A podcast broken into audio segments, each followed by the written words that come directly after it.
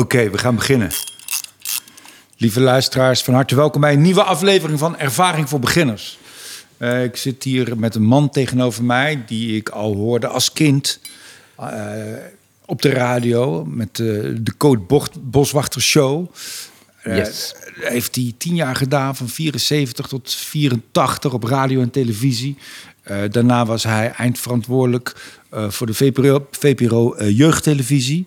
Met legendarische programma's als Theo en Thea, Rembo en Rembo, Achterwerk in de kast. Daarna begon hij zijn eigen productiemaatschappij, Bos Bros. En we won Gouden Kalveren met Abeltje, met Minous. en hij is nog steeds alive en kicking. Hij is 77 jaar inmiddels, -hmm. klopt dat? Ik zit hier met Bernie Bos. van harte welkom, Bernie. Dank je. Ik ben ook nog vergeten dat je 40 kinderboeken hebt geschreven. Ja. Je bent ook nog kinderboekenschrijver uh, geweest. Een tijdje kinderboeken, ja. Maar het zijn vaak kleine boekjes hoor. Maar ja, maar toch. Ja. Ben, ben je verbaasd als je de, toch eventjes terugkijkend naar wat ik nu allemaal opnoem... Uh, dat je dat allemaal geflikt hebt in je, in je leven tot nu toe? Uh, eigenlijk wel, ja. Ja? ik was als uh, een jongen die niet wilde deugen. Dus ik werd van school geschopt en ik wilde niet leren en ik wilde niks eigenlijk. Mm. Tot ik een jaar of 18 werd, toen begon ik een beetje kalm te worden. Maar dat heeft niet zo lang geduurd. Toen heb ik iemand bevrucht, waardoor ik heel snel moest trouwen. Ja. En uh, dus mijn leven was eigenlijk een beetje een chaos. Ja. En langzaam maar zeker kwam er een soort ordening. Mm. En dat heeft geleid tot waar het toe heeft geleid. Ik ben op een bepaalde manier, uh, ja, ambitieus, denk ik. En ik vind het leuk. Leuk om dingen te doen en dingen ja. te maken. Ja, en dat houdt niet op. Ja, dat is fijn. Ja. Want je bent, je bent ook nog begonnen. Ben je nou begonnen ook als, als leraar? Ja. Leraar tekenen? Op een... Nee, ik, ik was uh, onderwijzer en ik heb een Ja. acte tekenen gehaald. Ja. Dat heb ik ook één jaar gedaan. En ik ben twee jaar onderwijzer geweest. Op een lagere school. En was dat, was dat iets voor jou? Of was je, was Nou, ik vond het ook best leuk, ja. Het is heel intensief, je wordt er doodmoe van. Het waren toen redelijk grote klassen en ik had kinderen van een jaar of tien. En eh, dan een stuk of 30, 35. Dat vraagt heel veel energie. En als je dat je best doet, dan bereid je goed voor. En dan heb je leuke lessen en dan motiveer je ze. Eh, dus dat vond ik eigenlijk best grappig. Ik vond het alleen doodvermoeiend. En ik had ook niet de indruk dat ik dat bleef doen. Maar ik heb het wel met plezier gedaan. En heb je er ook iets ge- geleerd? Wat je, wat je vervolgens hebt gebruikt bij de Code Boswachter Show? Nou, niet bij de Code Woordzachter Show. Ik heb geleerd. eh, ja, ik heb eigenlijk geleerd dat de kinderen op twee manieren bestaan. Eén manier is in de schoolklas en één manier is op het schoolplein. Ja. En het schoolplein, kinderen zijn heel andere kinderen dan schoolklaskinderen. En die schoolpleinkinderen, daar heb ik eigenlijk televisie voor willen maken. Ja, en dat is eh, brutaler, vrijer. Ja, ondeugend. eh, de randjes opzoeken, ook kinderen doen dat. eh, iets met ontluikende seks, met ja, van alles en nog wat. eh, Wat, Pesten, wat mag, wat niet mag. wat niet mag, of onder rokjes kijken, of geslachtsdelen uitwisselen. Zal maar zeggen, laten zien hè, dan, Ja. wat kinderen doen. Nou, zulke soort. En dat, ik dacht, dat zie je nergens. Het, het gaat niet. Bij echte mensen heb je drama, heb je echt leed, heb je gedoe. En bij kinderen is het allemaal keurig en netjes en gepast. En eh, dat moet niet. Ja, precies. Alsof, alsof zij nog niet mogen zijn zoals ze zijn, maar alleen nog maar opgevoed moeten worden naar een soort model ja. wat we willen dat ze zijn. Ja, en dan krijg je kabouters, zal maar zeggen, die, eh, waar ze in moeten gaan geloven. Ja. Hè? En niet in de echte dingen. En mijn levensles, tussen aanleidingstekens zelf, is... je moet zo snel mogelijk als kind toch ook met nare dingen in aanraking komen. Want daar word je groot van.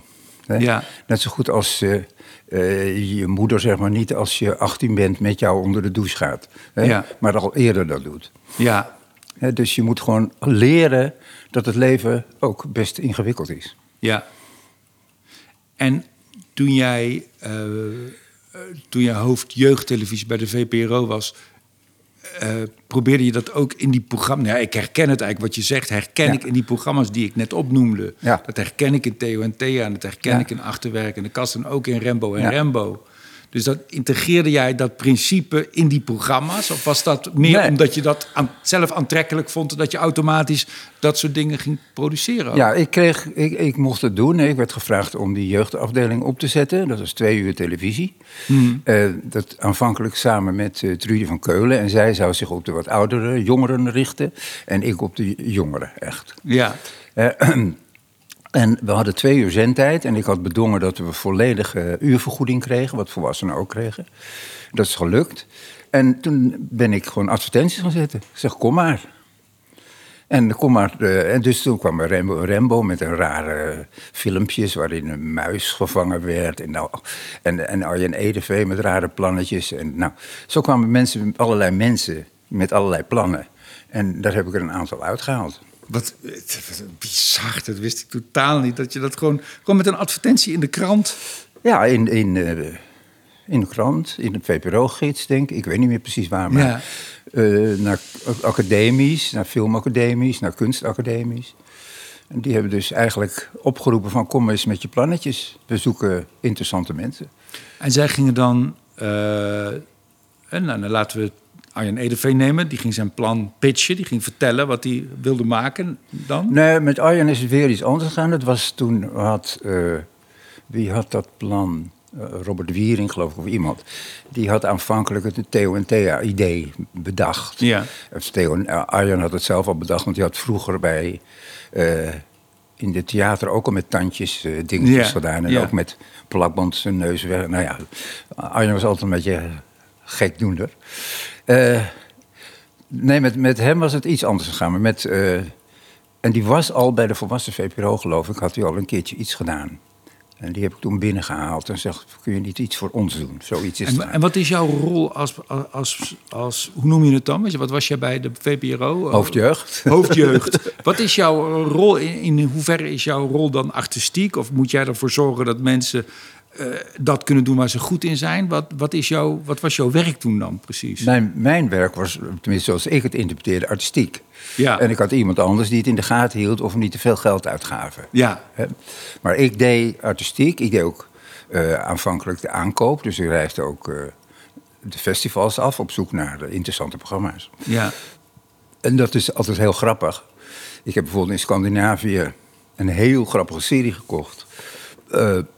Hoe heet die nu ook weer? Privaatdetectieven Kant. Ik weet niet of je dat ooit gezien hebt. Nee, Het zegt me iets in de vechten. hoor. Ja. Van een heel merkwaardig eh, programma. En daar kwam ik op het spoor. Toen was ik bij de eh, Scandinavische televisie.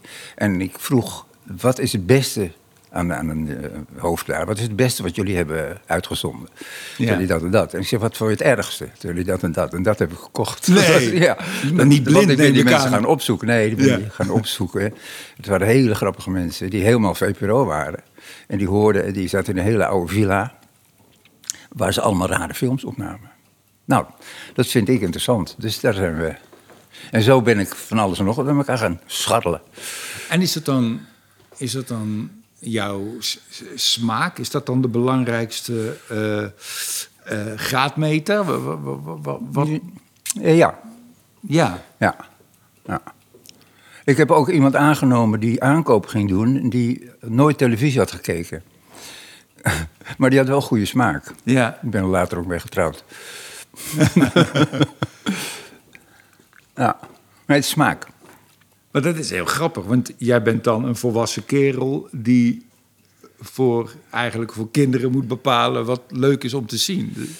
Ja, maar ik had natuurlijk, eh, je zei net al, de Code Boswachter gedaan, dus dat was ook voor kinderen. Ik heb ook eh, de vervanger van Kleutertje Luistert gedaan, de Radio Lawaai Papegaai. Ja, Dat wilde ik eerst Kleutertje Luistert niet meer noemen, maar dat mocht niet van de APRO. Ja. Eh, want ik wilde gewoon niet luisterende kleuters, of ik wilde, ik wilde luisteren naar kleuters. ja, Dus ik keer het om, als het ware. ja. Dat heb ik ook jaren gedaan. Dus, en dat researchte ik op eh, kleuterscholen en op eh, kinderdagverblijven. Dan ging ik met kinderen praten. En daar haalde ik mijn onderwerpen vandaan. Waar zij mee bezig waren, wat, Ja, wat- zij belangrijk ja, vonden, ja. of eng vonden. Ja. En dan krijg je onderwerpen als mijn oma is dood of ik heb nieuwe schoenen. Die zijn even gewichtig. Ja, precies. En dat is grappig. Ja, dat herken ik later heel erg weer in Achterwerk in de Kast. Dat was zo'n programma, ja, voor de mensen die dat niet kennen. Dat was, ja, dat is, vind ik nog steeds een van de beste programma's ooit gemaakt. Dat was een gordijntje. Ja, dat is ook wel leuk hoe het ontstond. Want we dachten aanvankelijk we gaan een kinderpraatprogramma Ja. creëren. Met Jan Eilander als gastheer en in een kring. En dan kinderen die een relatie met het onderwerp hadden. Nou ja, gewoon zoals Ja. we bij volwassenen doen. Nou, kinderen zeggen niks waar andere kinderen bij zijn. Die houden gewoon hun kop. Ja. Dus het was volkomen mislukt. En toen hadden we op de zolder van de VPRO een kast. We hebben een gat geboord, een camera achter gezet. En de kinderen in die kast konden het gordijntje open en dicht doen. En vertel me wat je wil vertellen. Ja, En eh, dat hebben we later wel geresearched. Want kinderen gaan altijd wat vertellen wat een ander al verteld heeft. Dus je moet echt selectief gaan worden als je het Ja. uitzendt. Maar eh, dat werkt als een tierenleer. Het was heel erg grappig. Ik kan me nog een uitzending herinneren van een kindje met een of andere, volgens mij had hij een paling in Paling in grote een emmer, ja. In een emmer, ja. En die wou die laten zien. Die wou die laten zien en die glipte uit zijn Ja, vingers. ja. En die moest hem weer zoeken. Die was hem kwijt. En dat, dat was alles. En dat was, was, was geweldig. Het, het format is gekocht door Rudy Karel. Die heeft dus in Duitsland daar eh, een programma mee gemaakt. Dat heb ik nooit gezien overigens. maar- Nee, misschien maar beter ook. Ja. Jezus, maar wat een... Wat een ehm, Het klinkt alsof het echt gaat... Eigenlijk zou ik dit nu weer willen zien... maar het klinkt alsof dit gaat... alsof we het hebben over een hele andere tijd... waarin, waarin er heel veel meer eigenzinnigheid was... en brutaliteit en subversiviteit. En, Helemaal waar. Het kan niet meer zo. Het kan niet meer. Het is zo vertrut. Het is... Kijk, de televisie is nu eigenlijk in handen voor een belangrijk deel van ambtenaren. ja, Die een baantje hebben. En niet van gemotiveerd. Kijk, wat wij wilden, we wilden niet alleen verrassende televisie, we wilden ook eh, ontroerende televisie, maar we wilden ook wereldberoemde televisie maken. ja, We wilden gewoon iets bewijzen. En al die mensen die, die, die, ja, die hadden er zin in gewoon. ja. En als het nu dat zo betuttelt en zo, dan heb je er geen zin meer in. En dan gaan die mensen niet televisie maken, maar die gaan theaterdingen doen. Of die gaan een boek schrijven, of die gaan, Ja. die gaan iets anders leuks doen. Dus de televisie is niet meer wat het was. Ja, dat klinkt oude lullenpraat, Ja, maar het is ja. juist... Het is bijna. Want Het is eigenlijk jonge hippiepraat. Want, want dat... Ja, dit wat er nu is, wat er is, dat is oude lullen tv ja, ja, eigenlijk ja. voor kinderen. Ja. Nou ja, wij waren natuurlijk ook eh, hippe. Hè? We kwamen uit. eh, ik bedoel, ik werd gevraagd aanvankelijk door de AVRO of ik daar eh, programma's wilde maken. En toen heb ik iemand, een, een ke- bekende gebeld. Want het was eigenlijk not done om voor de AVRO te werken. Ja, omdat het een tuttig, Ja, het was rechts. En het was, Oh ja, ja, ja. Het enige waar je kon werken was de VPRO toen ook nog niet. Want de VPRO was nog vrijzinnig protestant. Eh, de VARA mocht dan. En, eh, en NTR heette dat geloof ik. Maar van wie mocht het dan? Van, Ja, je, van de, je, de bubbel waar je in zat. Wat Van de nou- bubbel, ja. Wij waren hip. Ja. Hè? We hoorden bij eh, alternatieve jongeren. Iedereen deed het met iedereen. We bloden en we, nou, van alles nog wat. ja. Het was een wat verwarrende tijd. Maar dat heeft wel geleid tot leuke programma's. Ja. Denk je dat het... En komt, zou dat weer terugkomen? Of, of zitten we klem? Zitten, zijn we in een fuik gezwommen? Nou ja, ik denk, je ziet bijvoorbeeld, eh, ja, niet zozeer de Nederlandse inbreng, maar wel internationaal, dat bij die nieuwe platforms, dat daar toch wel grensverleggende programma's eh, voor volwassenen ontstaan. Hè, de, de gewone Amerikaanse televisie of, of de Netflix, dat is toch wel een verschil. En eh, ik denk dat jeugd is geen prioriteit. Hè? Eh, ik heb toen bedongen dat we het volledig uurbedrag kregen. Ik denk dat nu de jeugd misschien een derde deel van het uurbedrag krijgt. Ja. Het is geen prioriteit. En wat eigenlijk heel dom is, want de televisie is eigenlijk de grootste opvoeder. En als de televisie heel goed is voor kinderen en heel interessant en nou, van alles en nog wat, dan heb je een belangrijk opvoedelement in huis. Dat moet je nu maar overlaten aan de school die het niet meer aan kan. Of het internet, waar, je, waar een hoop mensen niet de weg weten, maar de Ja. kinderen wel. Dus het is een beetje jammer dat men het heeft laten glijden. En dat men juist die groep niet als eh, belangrijkste groep. Want het is de toekomst. Ja. Ja, ik vrees dat het ook heel sterk te maken heeft met de vercommercialisering van de media en van de maatschappij. Ja. En dat dat kinderen hebben natuurlijk ook niet zoveel geld om uit te geven. Je kan er niet zoveel... eh dat is net als bij oudere mensen. Die zijn merkvast. Ja. Die kan je, dan kan je wel zeggen van deze boter moet je eens proberen. Maar die hebben al lang hun boter gekozen. Ja, ja. Dus ze zitten alleen maar te mikken op die... Die jonge doelgroep. Ja, die jonge doelgroep. want. Die, die weten nog niet wat ze moeten kopen. Nee. Nee, dat hele kopen, dat, die ziekte die kopen heet, is ook jammer, vind ik.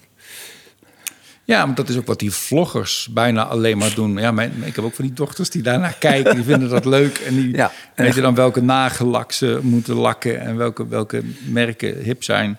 Maar dat is denk ik het verschil tussen jou en mij. Wij, ik werd opgevoed door ouders waarbij helemaal niks mocht. Zwaar Ja. christelijk. Ja, Maar toen ik mijn dochter of mijn dochters opvoedde, mochten ze mij alleen maar naar de Stratenmaker op Zee kijken. En niet naar, eh, hoe weet je, puntje, puntje op de prairie van de EO. kleine huisje op de prairie. Ja, vond ik, eh, EO vond ik verderfelijk. Ja. Dat kwam door mijn eigen christelijke achtergrond. Maar ik was natuurlijk net zo gereformeerd als mijn ouders waren. In de zin van dat je heel erg vond wat wel kon en ja, wat niet precies. kon. Ja. Ja. ja. Maar goed, ze heeft er niet onder geleden. Ze schrijft heel mooie dingen. Nou, ik wil wel een keer met haar praten. Ik wil dat graag uit haar mond horen, Bernie. Kun jij wel zeggen?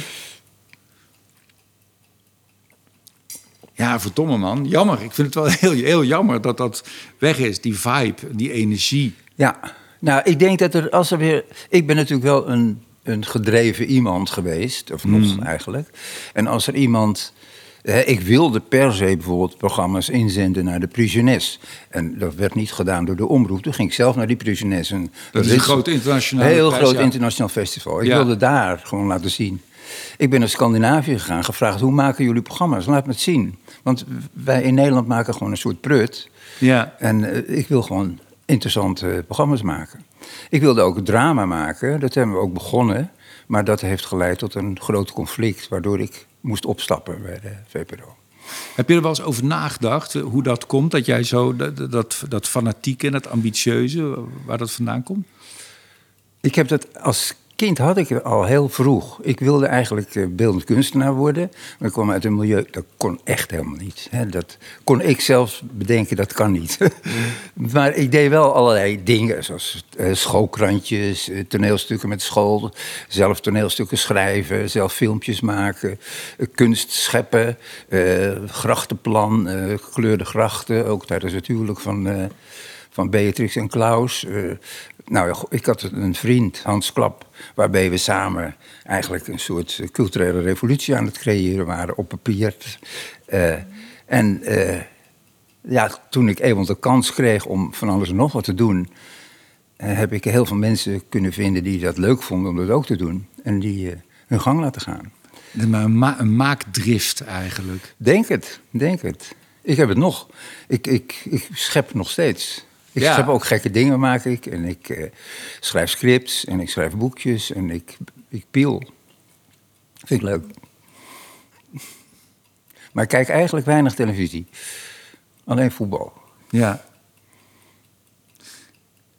Want nu, want jij, jij, werkt, jij werkt nog steeds gewoon hè, bij. bij eh, Ik ben een, nee, ik heb, het bedrijf is min of meer opgeheven. Ik ben eigenlijk alleen het bedrijf. Hmm. En ik ben een samenwerking aangegaan met eh, Fanta Vision, een ander bedrijf.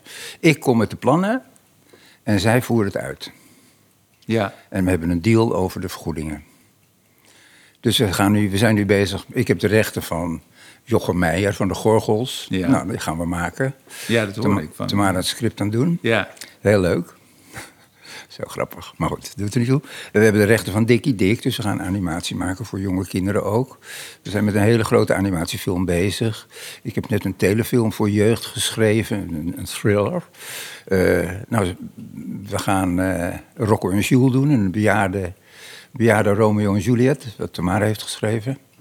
Eh, we zijn dus druk bezig met van alles en nog wat. en is nog steeds de, de bron, eh, wat je eerder vertelde, is zijn die, die kinderen op het schoolplein en niet de kinderen in de klas. Het is, nou, het is bij de VPRO was het meer op het schoolplein. Ja. Dikkie Dik is niet echt sch- schoolpleinwerk. Maar dat is ook voor hele jonge kinderen, waar je Ja. gewoon heel... Je hebt ook nog een beetje richting nodig voor je ze Ik denk het ook. moet gaan desoriënteren. Nee, Moet je precies. ze Die moeten even, even gericht eh, Ja. Bezig zijn. Maar eh, ik, ik ben natuurlijk niet veranderd. Nee. Nee. Ik, ik, eh, ik heb dezelfde smaak. En ik, eh, ja, ik doe gewoon, bijvoorbeeld in de telefilm, smoezen twee kinderen achter op de scootmobiel van de oma. En dan zegt die oom, wat smoezen jullie? Zeggen, ja, nee, Nina liet een scheetje. En toen zei oma, oh, dat mag wel in de vrije natuur. En dan liet ze ook een scheetje. Ja, ja. Nou, en dat soort oma's vind ik dan leuk. Ja, dat vinden kinderen ook heel erg En die leuk. vind ik ook leuk dat oma zo doet. Ja, Maar dat is dus een beetje niet volwassen worden of zo misschien. dat is je niet gelukt in dit, Nee, dit nee, leven. Nee. Ik moet nog een beetje mijn best doen. En ben je wel, zie jij bij jezelf, omdat je al zo lang bezig bent, zie, zie jij een, in, die- in die zin een on- on- ontwikkeling bij jezelf? Ben je, beter, ben je een betere maker geworden in de loop der jaren? Nou, ik heb natuurlijk heel veel laten maken door andere mensen. Ja. Dus ik heb heel veel beoordeeld. En ik heb zelf, ben eigenlijk in die periode bijna gestopt met maken. En ook toen ik een eigen bedrijf had, heb ik gewoon ja, mensen aangetrokken. En voor mensen het mogelijk gemaakt dat ze die programma's konden maken. Ja. En dat was, kost veel energie. En eh, ik heb mezelf daar eigenlijk een beetje buitenspel gezet. En ik ben eigenlijk sinds kort weer opnieuw begonnen. Ja. En ik denk niet dat ik beter ben. Ik, ik ben een beetje een inhaalslag aan het doen. Leuk. Ja. Er valt er nog wat te, nog winst te boeken. Ja, ja. Ja, ik heb. Ik, ik, ik- het gekke is, er zijn gewoon grappige plannetjes die dan opwellen of die, die je tegenkomt bij een ander. Waar je denkt, dat, daar, moeten, ze- daar moeten we iets mee doen. En daar moet je nou eens televisie van maken. Ik zou bijvoorbeeld. eh, dat gaat vast iemand doen nu. Urk, dat is gewoon een dramaserie. Ja. Dat- Dus waarom is er geen programma Urk? Ja. Ik wilde het boek zo graag lezen van die Vlaamse journalist. Ja, ja, ik die heb daar, ik heb, heb je het gelezen Ja. al? Ja, moet ik Nou, het is hoe, hoe die daar binnen. Ja, het is redelijk saai, maar het is wel heel informatief. ja. Ja. Nou, dat vind ik leuk. Eh, ik wilde graag een serie maken, een komische serie, voor een, een soort. eh een soort Fawlty Towers, maar dan voor mens en dier. Dat je samen met je hond kan eten en dat je ook in- kan slapen met de poes in de, het hotelkamertje. Ja. En dat je dus ook een echt dierenrestaurant hebt. Met, en, en dat je gewoon als mens bijna gelijkwaardig bent als dier. ja. En, eh, en dat met leuke mensen. En hoe, want, want het zijn allemaal zulke schitterende ideeën van hoe, hoe weet je, of is dat een kwestie van weten dat een idee rijp is om het te gaan maken? Ik weet dat dat is puur intuïtief. Dat je zegt, ja, goed, doen. Ja, Zo gaat het. Ik, Ja. ik ben, het is lust niet- eigenlijk alleen maar. Maaklust. ja, maaklust. Ja. Nou, ik heb laatst iemand ontmoet en die had een kinderprogramma voorstel. Dat vond ik niet goed. En toen zei, zei ik, heb je niks wat anders? Heb je nog iets anders? eh? En toen zei ze, ja, eh, ik ben bezig al jarenlang met hangouderen in de Diamantbuurt. En de Diamantbuurt is een soort, nou ja, niet, eh, zeg maar, randbuurt Ja. in Amsterdam. En zij is Marokkaanse en zij heeft bekommerd zich op oudere mensen in die Diamantbuurt. En daar heeft ze schitterende verhalen over geschreven. Ze dat moeten we gaan maken. Is gewoon drama. Ja. Maar dan moeten we gaan met, met bijna niet acteurs. Dat het echt levensecht. En met een goede regisseur. Nou ja, daar zijn we nu mee aan het ontwikkelen. Zeg maar. Want dat kwam ik ook tegen. Dat jij ook zei van, ik kan misschien... Dat wat jij goed kan, is ook, ook goede keuzes maken. Op bepaalde gebieden, zakelijk, heb ik verkeerde keuzes gemaakt. Ja. Financiële mensen die mij bedrogen hebben en opgelicht en weet ik veel. Daar ben ik niet goed in. Maar Nee. in andere ben ik redelijk goed. Ja. Want dat is ook een kunst om bij een bepaald project een goede regisseur te vinden, goede mensen te vinden. Ja, ja het is, het, en dat moet je ook durven. Nee, Je hebt zelf met Minhoes meegewerkt. Nou, Ja. Vincent was zijn eerste hele grote film. Vincent Bal. Ja, ik Ja. weet nog dat ik naar de auditie ging. Ik ging naar de auditie en dan stond ook een ventje. Toen was ik zelf nog jong. Ik was denk ik 32 of zo, of 31, ik weet niet. En er stond een ventje, een tenger ventje, stond ook daar te wachten. Want we moesten met een lift of zo naar boven. En ik zeg, kom jij ook hier auditie doen? Van, nee, nee, hij was dan de regisseur. Ik dacht, wat? Dat kan niet, dacht je. Die was 25 of zo, of 26. Ja, ja, ja. Ja, ik, had, ik was op een festival in België. En eh, daar had ik hem, zat ik met hem in een jury. En ik raakte met hem in gesprek. En toen eh, zei ik, wat heb je gemaakt? Nou, een lange speelfilm, een man van staal of zo. Nou, die heb ik bekeken, was niet heel erg onder de indruk. Maar dat was ook een budgetair ding. Uh, en hij had het gemanaged. Dat vond ik uh, ook knap. Het was gelukt, zal ik maar zeggen, en klaar. Maar hij had hele leuke kortfilmpjes. Hele interessante. En uh, toen dacht ik, nou, ik ga toch praten. Misschien, volgens mij moet hij het doen. Dus ik zei, wat vind je van Minous? Toen zei, dit is mijn lievelingsboek. Zo, ik zei, ja. nou, volgens mij moet je het dan doen. Ja. En we hebben de, hij, Tamara was al bezig met een script, ik zelf ook. We kwamen er niet goed uit. Toen zijn we met Vincent aan het script gaan werken. Toen zijn ze eruit gekomen. En ja, hij was gewoon de regisseur. En toen zochten we een cameraman. Ik zei, welke wil je? Hij zegt eigenlijk Walter van de Ende. Ik zeg, maar misschien krijg ik daar wel een, een, een, een probleem mee, want het is eigenlijk mijn docent. Ik zei, nou, dan gaan we toch met hem praten. Ja. Dus we zijn naar Walter gegaan, in België. Ik zei, nou, dit is het probleem. Vincent gaat regisseren. En hij wil dat jij de camera doet, maar wel dat je de camera doet. En dat Ja, hij de regisseur dat je luistert naar Ja. hem.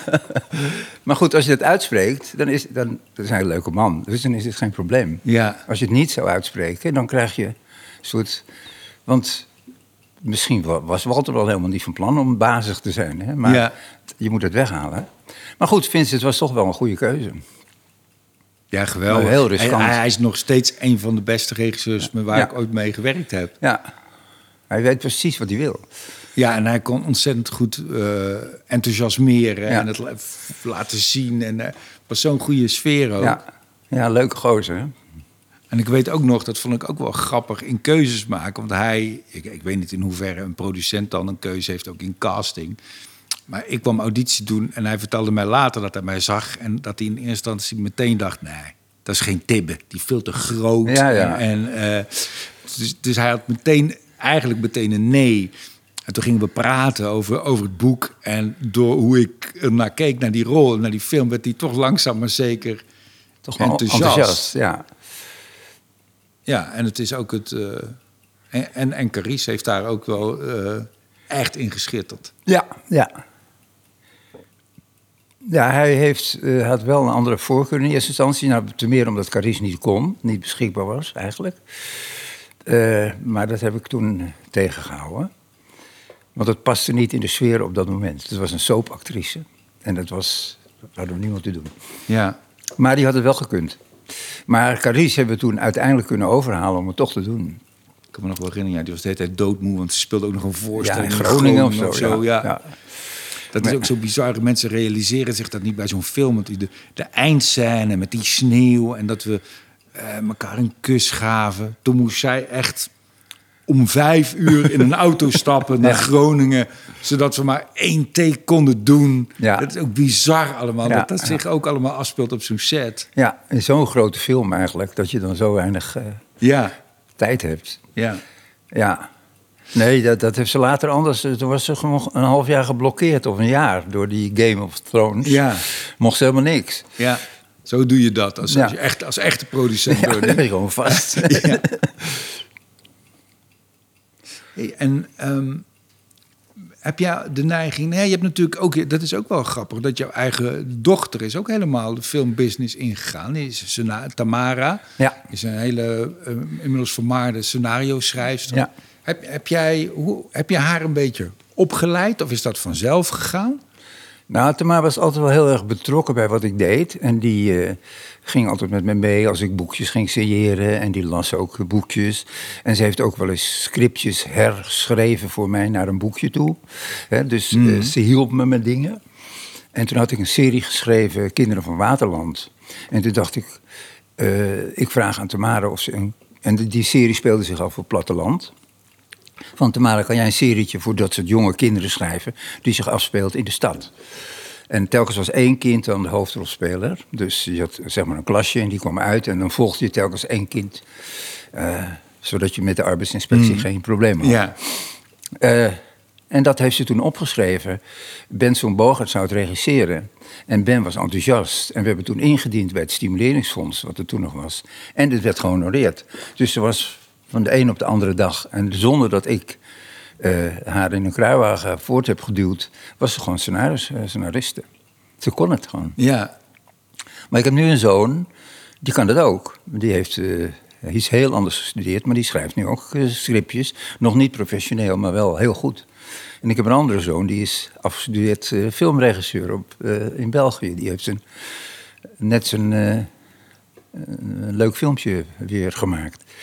En ik heb een kleindochter, die is editor. Dus de hele familie is aan het, in de filmbiz. En is dat dan genetisch of heb, je, heb, heb jij, nou, heb jij er verder niks mee te maken gehad qua...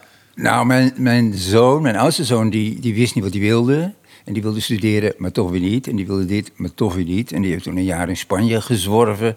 En nou, van alles en nog wat. En toen hoorde ik van iemand dat er een Europese filmschool was in uh, Denemarken. En dat was een enthousiast verhaal. Ik denk, daar stuur ik hem naartoe. Ja. Dus die hebben we toen daarheen gestuurd. En dat eh, was je zeven maanden of zo, intern. Met alleen maar filmmakers, 150 studenten. En dat is zeven dagen film. Lezen, uh, kijken, uh, horen, doen. En toen, uh, dat vond ik fantastisch. Een brainwashkamp, een soort... Oeigoeren. Nee, ja.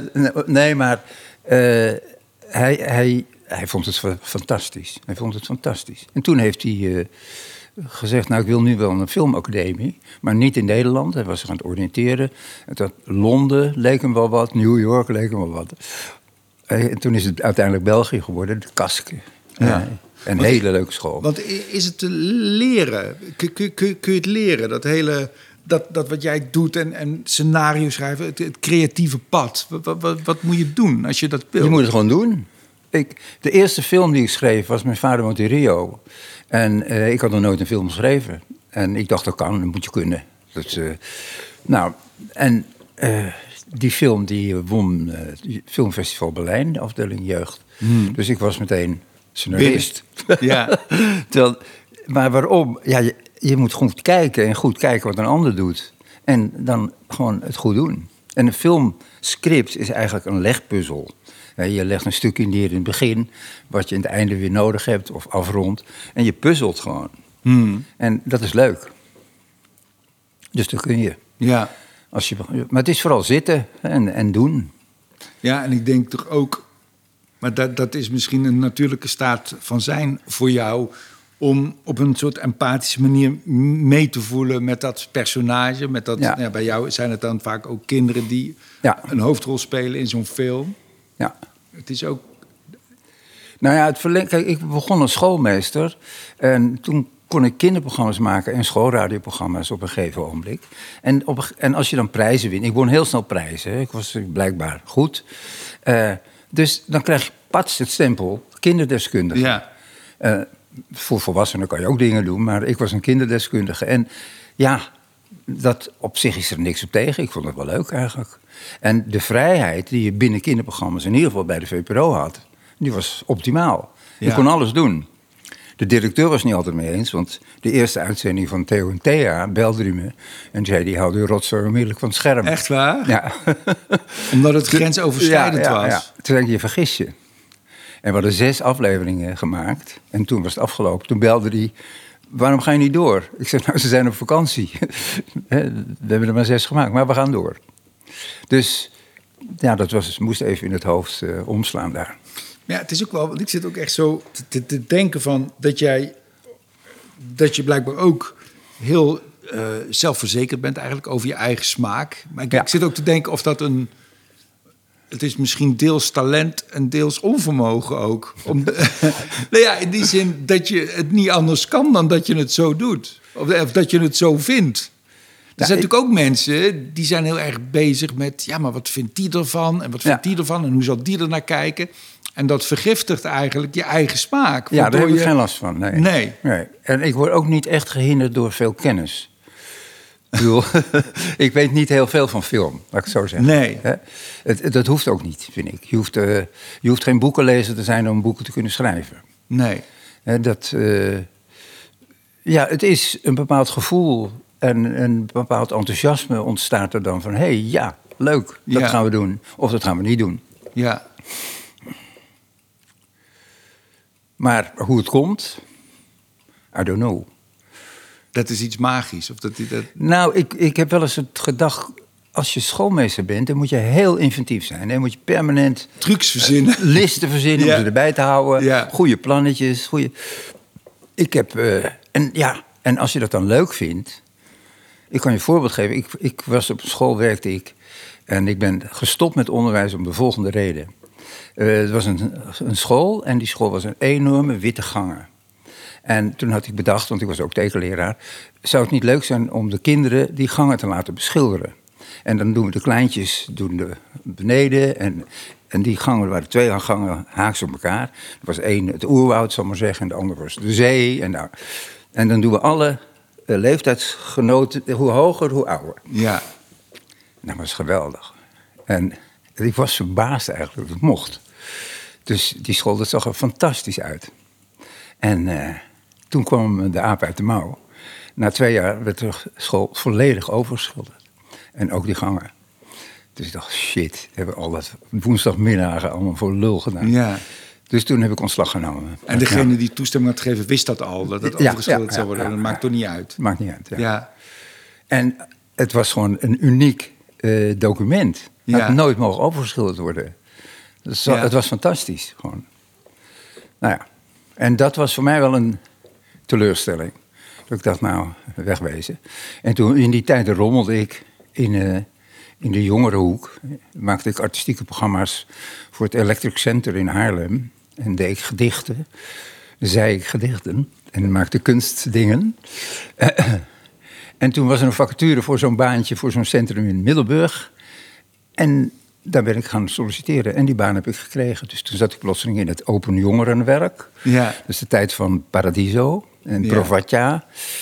Met eh Koos Zwart, hè, met de nieuws... eh, met de cijfers van de, de hash eh, bij de Vara Radio. Ik weet niet of je dat weet. Ken ik niet, nee, ik weet niet. Ja, die hadden een rubriek waar dus de, wat de rode Libanon kostte per gram. Oh, En, de oliebollentest van de AD, ja, maar, ja, dan, maar dan, maar voor dan met wiet. Wiet, Ja. dat was hip.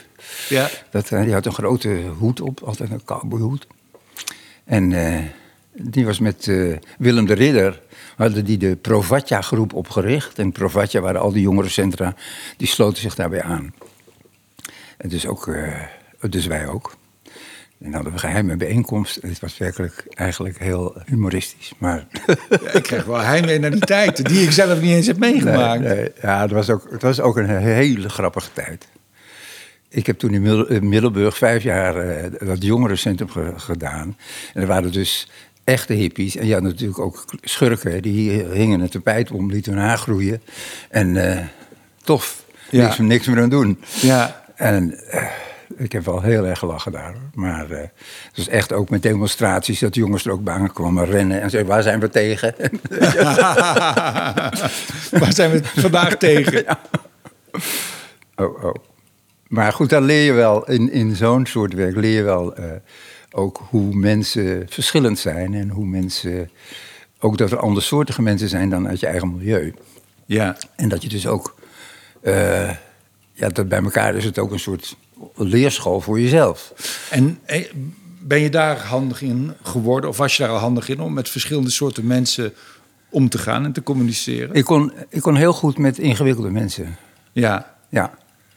Die, eh, dat, als je goede programma's wil maken, heb je ook vaak moeilijke mensen. Ja. Die lastig of veel eisend. Of, eh, en daar moet je mee om kunnen gaan. Hè? En, hoe die moet je je- ook kunnen durven corrigeren. Ik heb wel eens een eh, Pieter Kramer, die had een Theo en Thea parodie gemaakt. Die maakte toen van die documentairetjes. Een parodie op Adolf Hitler en Eva Braun. Hmm. Zag er geweldig uit. Met een, met een eh, herder erbij. En ook een, Met eh, Theo en Ter was dat ook? met Theo en Ja, Theo, ja. ja. Dat heb ik niet eh, gezegd, dat gaan we niet uitzenden. Ik vond het... Ik zeg, we gaan geen humor maken op dat moment met, eh, met Adolf Hitler en Theo en Theo. Ik, Nee. vond het ongepast. Ja. Nou, daar hebben we wel een beetje ruzie over gehad. Maar goed, uiteindelijk...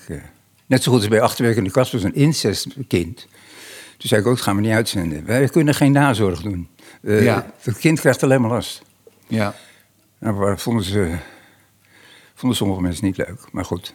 Dus je houdt wel... Je moet ook met moeilijke mensen wel eh, durven beslissingen te nemen. ja. En ze durven ook vrij... En zo, zolang als het gaat, heel veel vrijheid en ruimte geven, denk ik. Heel veel, ja. Ja, dat Ja. vond ik leuk. Dat was ook leuk met, met Rainbow en Rainbow. En natuurlijk ondeugende, kinderachtige mannetjes die gewoon hele vieze dingen doen. Ja. Maar ongelooflijk grappig. En eh, dat was een gek stelletje. Dat is volgens mij ook het hele ingewikkelde, ook bij kunstsubsidies en bij al die poortwachters die bepalen of iets wel of niet Ja. gemaakt mag worden. Is dat de, de, de, de ideale bron is natuurlijk nieuwsgierigheid van de maker zelf. Ja. Die ook nieuwsgierig naar, moet zijn naar wat hij gaat maken. Ja. En ook niet precies weet waar hij terecht komt. Absoluut niet. En het lullige bij al die poort, poortwachters en al die dramaturgen is dat je op papier moet gaan zetten wa- wat je exact gaat maken. Ja, ja. En dat is denk ik dan heel tof. Ik bedoel, Zo interpreteer ik het. Als je zegt dat je die moeilijke mensen ruimte moet geven... en het, het lef moet hebben om ze te laten maken wat ze willen maken... en kijken waar je uitkomt. En Ik- blijkbaar soms zeggen van nee, dat niet. Nee. Ja, je moet dus wel ook een grens durven trekken. Maar in grote lijnen moet je mensen juist, vind ik, die vrijheid geven. Ja. Ik laat ook mensen heel vrij. Ik bemoei... Sommigen denken, ja, maar bemoeien je er niet mee? Ik zeg, nou, toen ik programma's maakte, ik heb het eh, tien jaar gedaan voor de radio, Ja. bemoeide niemand zich met me. Ja. Ik kon het helemaal doen. Het was voor de AVRO. Ik ben er nooit zo vrij geweest als bij de AVRO. Ja, Dus het was eh, heel vreemd eigenlijk in die tijd.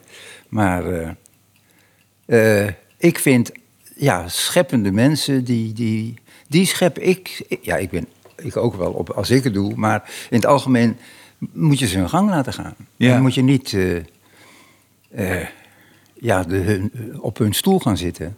ja, Ik weet van iemand bij de AVRO werkte.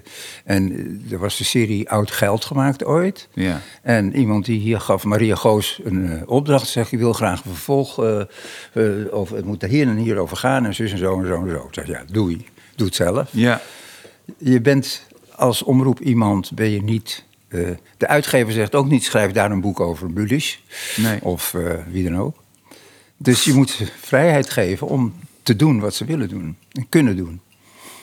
Ik denk dat, de- dat macht daarin een, een gekke rol speelt. Dat, dat mensen hebben stiekem ook altijd een soort van eh, machtshonger. En, en zeker als mensen zelf creatief impotent zijn, wat dat soort poortwachters vaak zijn, Ja. is dat ze daar hun, hun status of hun macht uithalen om te zeggen van eh, dat niet, of, of dat is niet goed. Of, of, Nou, dat is het gekke ook. Ze gaan eigenlijk ook eh, jou beschermen, hè, zogenaamd. Dus als ik tien goede dingen heb gedaan en dan komt ding elf... dan gaan zij zeggen, nee, dat is niet goed. Zeg, Hmm. Hoe weet je dat? Hè? Ik vind het wel goed. Nee, Ja. dat is niet goed. Moet je niet doen. Eigenlijk gaan ze jouw plek innemen. Gaan ze op je stoel zitten. Ja. En dat, eh, ja, ik krijg, dat krijg je niet uit je hoofden. Kijk, als iemand directeur is geworden ergens, denkt hij ook dat hij verstand heeft van amusement. ja, Hè, bij een omroep, of verstand van drama. Of, eh, er zitten mensen bij de omroep waar je zegt... waarom zit jij hier in godsnaam? Maar ja, Ik zat van de week met twee vrienden te praten en toen vroeg ik van of, ze, of er mensen waren die ze haten. En ze hadden allebei mensen die ze haten. En dat was allebei werkgerelateerd. Ja. En precies waar we het nu over hebben. Mensen die in organisaties zitten en die maken. En ik, ik was zo blij dat omdat ik solo dingen doe, Ja. Eh, Ja. kan ik altijd mijn eigen ding doen. En Ja. is het nooit zo ver gekomen dat ik mensen haat. Maar als ik daarin zou zitten en afhankelijk zou zijn van die mensen, zou je verschrikkelijk vinden. zou ik ook mensen haten. Ja, ja, ja. Ja, ja ik, eh, ik nou, haat... Nou, Voor de draad ermee, Bernie. nee, ik, ik, wat ik dan op een gegeven moment denk... Ja, st- ja stik de moord maar. Ik doe Ja. het niet meer. Eh, Ik, ik kreeg een conflict bij de VPRO. Eh, ik wilde... Ik had, wat ik net vertelde, bedongen dat we een uurbedrag kregen. Gewoon het, exact wat de volwassenen ook kregen. Daar werd aan geknibbeld. En voor, voor wie god het dan? Voor de acteurs, voor de makers? Voor wie Nee, geldt- je- je hebt- of het, of het budget. Het budget. Ja, je krijgt een ja. budget eh, van de commissaris van, van de media. En dat is zeg maar 100.000 euro per uur. Hè, per uitzenduur. Ja. Dus wij hadden twee uitzenduren. Dus we kregen 200.000, nou zeg maar wat. Ja. Dat bedrag. Dat werd dan geknibbeld. Dus ik moest inleveren voor de volwassen televisie. Ik, weet je wat, dan doe je het zelf toch? Ja, En ben ik opgestapt. ja. Nou, toen is de directeur weer later bij me gekomen. En wat kunnen we dan wat sjoemelen en wat regelen? En wil je nou... Ja. Nou, nou goed, dat is, eh, uiteindelijk was dat de bron van, van ergernis... waardoor ik op een gegeven moment niet verder kon. Ja. Ik dacht, nou, wegwezen. Hoe doe je dat? Het lijkt me zo moeilijk om hè, als maker om je eigen wijsheid te conserveren, te bewaken Mhm. en, en te behouden. En eh, tegelijkertijd ehm, proberen ook te blijven leren en open te staan. Maar er zijn natuurlijk ook mensen die zinnige dingen zeggen tegen jou. Ja. Waar, je Ja. wat, waar je wat aan hebt. Ja, ja dat. Nou, dat. Als je verstandig bent en als je goed luistert, dan, dan heb je er wat aan ook. Dan Ja. is dat er gewoon. Ja. Het is niet zo dat ik alwetend ben en denk van... goh, eh, het is alleen maar zo en zo en zo en zo. En wat er hier staat, dat is waar. Dat is Nee. niet waar. Alles kan je deleten en is het weer niet waar. Ja, ja je moet dat, niet, dat moet niet krampachtig worden. Nee. En als iemand zegt, volgens mij is dat niet goed, om die en die reden. En die denkt erover na, nee, ja, daar heeft hij misschien wel gelijk in.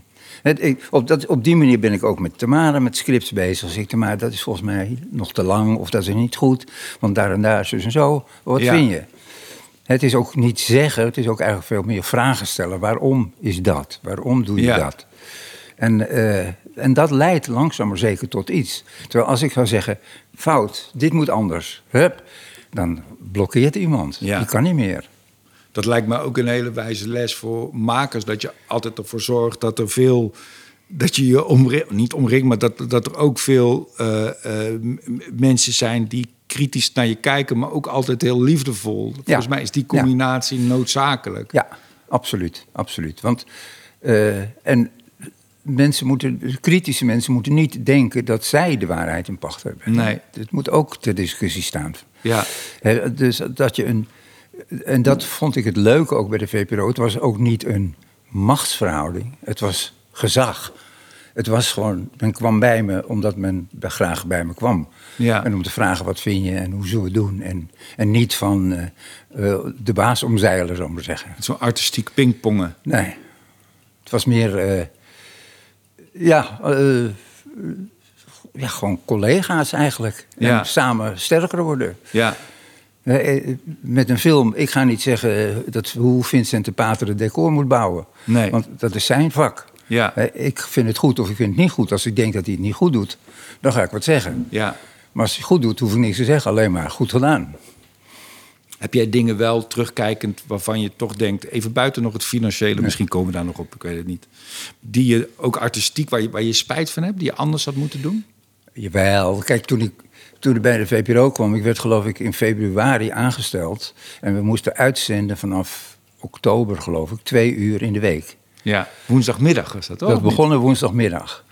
Nou, dat is dus. Ga, eh, denk je, wat moet doen? Wat moet doen? Hoe, wat gaan we doen? Toen hadden we bedacht, het huishouden van Jan Steen bedacht. Ge- geleid door Jan Steen met kinderen en allemaal filmpjes en gesodemieter. Wat we zo snel bij elkaar konden sprokkelen en, eh, en maar toch iets bijzonders van maken.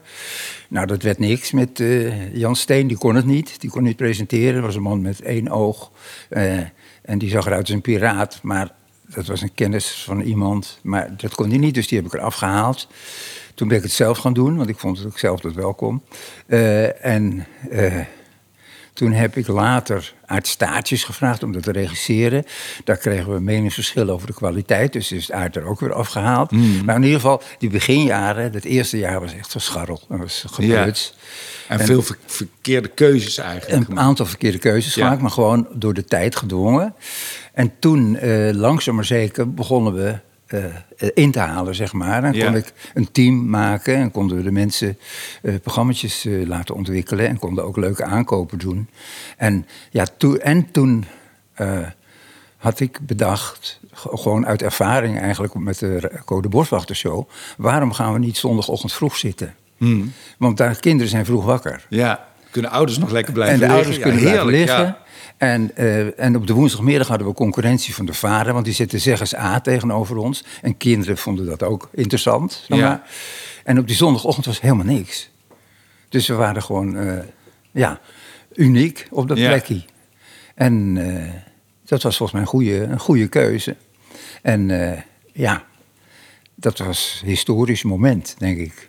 Legendarisch. Want toen was, dat, dat was de tijd van, van Achterwijk in de kast. en Ja, Theo ja, en dat was het ja. tweede jaar. Ja, Ja. het eerste jaar was een beetje prut.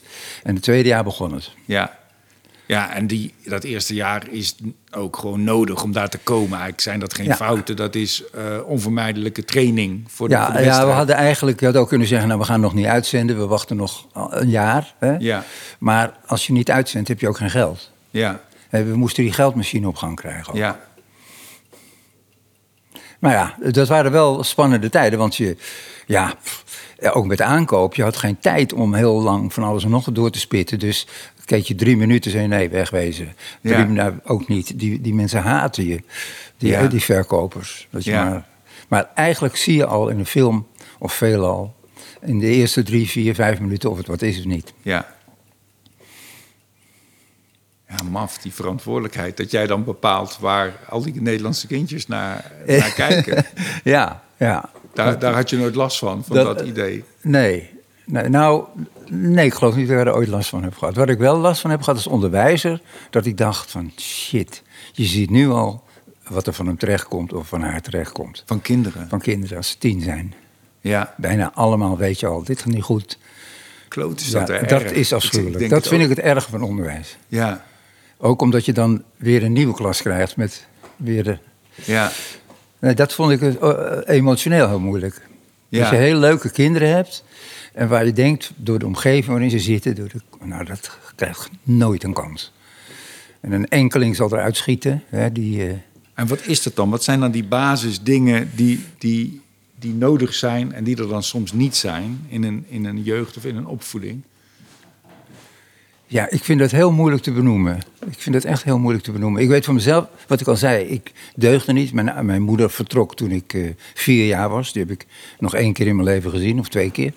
Ik was een moeilijk kind, ik wilde niet deugen. Maar ik heb wel iets geleerd daarvan, namelijk eh, overleven. Ja, En als je niet kan overleven, dan red je het niet, denk ik. Dus Hmm. ik denk dat als je... Je herkent de zwaktes ook van, van, van kinderen. De, dus de, en je herkent ook de overlevers. En als... ja maar ik denk ook, sorry dat ik je onderbreek, maar ik denk ook van, dat is één, de, de, de- het overleven, want je moet overleven. Maar ik denk ook wat ik bij jou bespeur, is enorm veel zin en enorm veel lust om dingen te maken. En dus ook heel veel interesse. Ja, En wat ik soms denk te zien, is dat er ook kinderen al zijn die niet zoveel interesse hebben. Ik heb wel eens een kind, dat vond ik zo graag. Toen ging ik mee als ouder op een schoolreisje. Toen zag ik een kindje een, zo'n blaasbloem plukken. Mhm. En die keek erna en die gooide hem weer op de grond. Ja, dat moet niet. Die blies hem, die blies hem niet eens. Nee, Ik denk, nee, ja. da- daar is iets helemaal niet goed Nee. of zo. Je moet ook zin hebben in die verwondering en in die pluisjes en Ja, die, ja. in die... En daar is, ik weet niet of... Nou, ik denk dat dat ook een, een, een- de, de, de fantasie, de creativiteit, zeg maar. En die worden natuurlijk ook eh, bij sommigen van huis uit niet direct gestimuleerd. Maar bij mij ook niet hoor. Dus het is ook niet eh, dat ik zo in een warm nest ben opgegroeid. Het is meer dat je, denk ik, ook daar gevoel. Ik was zelf wel een soort zwart schaap in de familie. Ja, En, en, en, ik, en ik zei op een gegeven moment tegen mijn vader... Laat me, nou- haal me maar van school af. eh, laat me maar timmerman worden, want ik word toch de beste timmerman. ja echt? Ja, zo'n soort- Zie je, wat je, een zelfvertrouwen Ja, dan. ja, ja. Ik durfde dat en ik vond, dat doe je. Ja, net zo goed als ik zei van, we gaan een film maken. Eh, we hadden nooit een film gemaakt. Ja, En we deden het. En het was geen stront.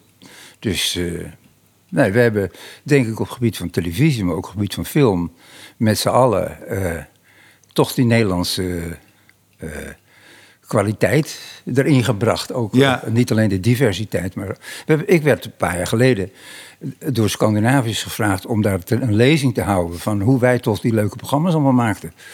Terwijl toen ik begon, ging ik naar Scandinavië. ja, precies. en wat was de kern van jouw betoog toen? Wat vertelde je daar? Nou ja, wat ik, waar we het nu zo'n beetje Ja, over hebben natuurlijk. ja. En dat, eh, de- dus, en die creatieve ruimte geven aan mensen. En, eh, eh, en, en, en dus verder kijken dan wat er al is. Hè? Kijken naar wat er niet is. Wat, we weten niks van het schoolplein. Ja, En dat is interessant. Ja dat is, want die ideeën armoede, dit het tegenovergestelde van, dat zie ik ook heel veel. Dat, dat heel veel makers proberen te maken wat al Ja. succesvol is en dat het daarop lijkt. Maar Ja, precies. is het een kopie van een kopie en dan weer minder. En nou ja, enzovoorts, enzovoorts. Nou, dat had ik bij de VPRO ook wel. Dat er mensen waren die eh, zeiden hoeveel budget is er. Ik zeg, ik heb het niet over budget. Wat is je plan?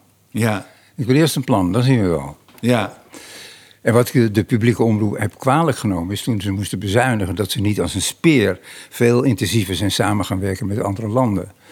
En dat je gaat co-produceren, dat je mogelijkheden creëert of uitzoekt. Het is heel goed mogelijk om dat te doen. En dat vergroot je budget. Maar daar voelt ze niks voor. En eh, ik vind dat dat juist een, eh, heel goed is om dat wel te proberen. Ja, ja. Net zo goed als bij de televisie wordt alles wat gemaakt wordt in één jaar afgeschreven. Dus maak je een dure dramaserie, dan schrijf je die af in dat jaar waarin die wordt uitgezonden. Ja. Als je dat nou vijf jaar op de balans laat staan, of tien jaar, en je zendt het in tien stukjes telkens weer eens uit, Mhm. hè, dan kan je tien keer zoveel maken. Ja. Nou, dit gaat al bijna meteen boven mijn pet. Oh. Maar- ja. Nee, maar als je, mag, als, je, als je per jaar mag uitgeven wat je hebt gemaakt. Ja. Hè, dan, maar je maakt dingen die je veel vaker kan uitzenden. ja. Die hoef je dus niet in het hele jaar in Als één keer af te schrijven. of als... Ja, Ja. dat, dat- Ja. dat hoef je niet. Een auto hoef je niet in één jaar af te schrijven, maar Nee. in vijf jaar, zou ik zeggen. Nou, zo Ja, kan ik weet je, hebt zelf- je hebt net zelf verteld dat je financieel een hoop stomme keuzes hebt gemaakt en failliet bent gegaan. Dus ik Nou, failliet net niet, maar Oh, oké. ik, heb, eh, ik heb een groot compensabel verlies in business. Daar is ook lef voor nodig, toch? Jij, dat je geld durft uit te geven of dat je in de min Daar durft ben ik te staan. erg roekeloos in geweest, ja. Ik heb gewoon hypotheken genomen om films te maken. Op je eigen huis, privé. Ja. Ja. En is dat, zijn dat goede keuzes geweest? Ja. Ja. Ik heb eh, als. Kijk, ik heb Abeltje als eerste grote film gemaakt. Het was eigenlijk van. We, laten we die Disney eens een, een, poepie ruiken. Waarom gaan we allemaal naar Disney-films? Waarom niet naar een Nederlandse film? Ja. Dus daar heb ik alle energie en geld in gestopt om dat voor elkaar te krijgen. Het heeft zes jaar geduurd. Voordat ik het gefinancierd had, was 9 miljoen gulden, geloof ik, of zoiets. ja, dat is was heel echt heel veel. veel. Ja. Maar goed, dat hebben we bij elkaar gescharreld. Maar als die film geflopt was, dan eh, was ik meteen failliet. Ja. maar als die lukt, en hij lukte... Ja, dan, ik, ik ging met mijn vrouw naar Rome toen die in de bioscoop was. Ik dacht, nou, ik moet wegwezen, want als het mislukt... eh, Ja. dan zitten we toch lekker in Rome. En eh, als het lukt, ik hoor het wel. En toen werd ik dagelijks gebeld van weer, weer 10.000 bezoekers, weer 20, weer 50. Het ging zo naar 900.000 bezoekers. Dat was zo uniek in Nederland, want de best bezochte film het jaar daarvoor was een van Theo van Gogh, geloof ik, met 60.000 bezoekers. Die hele Nederlandse film nog op zijn gat, want Ja. niemand ging naar die films. Dus eh, al- behalve hè, dit eh, Maas, Dick Maas. Ja, de vlodder. Ja, die vlodders. Maar de rest, eh, gewoon, dat was er niet. En kinderfilms al helemaal niet. En dat was dus een big succes. Nou ja, daarna konden we Minoes maken. En daar kwamen ook ongeveer zoveel mensen. Ja, bijna net zoveel, ja. Ja. ja. Ja. En dat vind ik ook zo'n grappig verhaal van hoe dat dan gaat.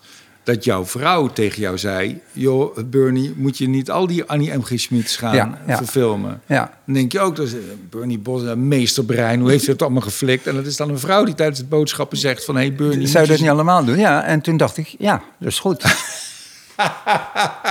nee, maar dat is een goede tip, toch? Ja, hartstikke goed. Ja, we, we hadden een enorme achterstand. Eh, op- Astrid Lindgren was helemaal verfilmd. eh Roald Dahl was verfilmd. En onze Astrid Lindgren Ja. nog niet. Maar het is soms zo goed om. Ik, ik doe het wel eens voor de gein ook. Dat ik een dag bedenk van. Alles wat iedereen vandaag tegen mij zegt. Het zijn allemaal. Al die mensen zijn wijze raadgevers. Mhm. En ik ga daar iets uithalen. Ja, ja. En dat is heel grappig. Om, om je medemens ook heel serieus te nemen. Ja. Soms. Ja, als je dat kan, is dat heel, Ja. heel belangrijk. Ja. Nee, eh, kijk, het, het is wat ik ook al zei. Ik- heb niet bedacht, we gaan eh, te- Rambo en Rambo doen. Ik, Rambo en Rambo hebben bedacht, we gaan Rambo en Rambo doen. En ik heb Ja. het ze laten doen. Ja. Bij Acht Weken in de Kast hebben we het wel meer gestuurd, hè, wat ik ook al vertelde. Maar bij een hele hoop dingen zijn het de mensen zelf die met de plannen komen. En zeggen, mogen we dit doen? Ja. En daar praat je over. En dan zoek je naar een vorm waarbij je denkt dat het het beste is voor dat programma. En eh, ja, als, en als, je, als dat lukt en je werkt met eh, leuke, grappige, rare mensen... ja, dat is alleen maar heel prettig. Zo. Wat is nou al met al terugkijkend, wat is, kun je dat benoemen wat nou jouw, wat, wat jouw grote talent is? Ik denk dat ik... eh, als iemand zegt dat kan niet, dan denk ik, hoezo kan niet? Kan wel. Dus film maken kan niet, tuurlijk wel. Je hebt ook wel een goede, het is ook een goede, eh, je bent ook wel streetwise. Ik vind het ook wel een goede straatmentaliteit ook die je hebt. Je bent ook wel een, een hele creatieve lefgozer of zo. Ik ja, maar ik was een schoffie, hè? Ja, mijn, mijn- ja. mijn vader moest heel hard werken en die werkte ook s'avonds. En we hadden altijd huishoudsters.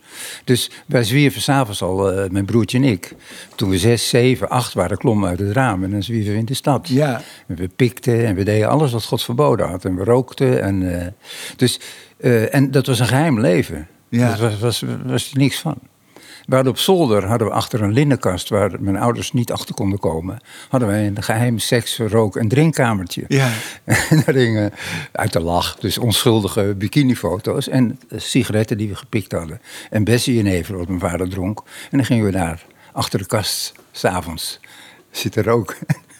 Achterwerk in de kast. Dat was ons achterwerk Ja. in de kast. Ja, dat, dus ik was een schoffie. En schoffies zijn natuurlijk... of die gaan ten onder, of die overleven. Nou, je hebt overleefd, Bernie. Ik geloof het wel. Heel erg bedankt. Graag gedaan.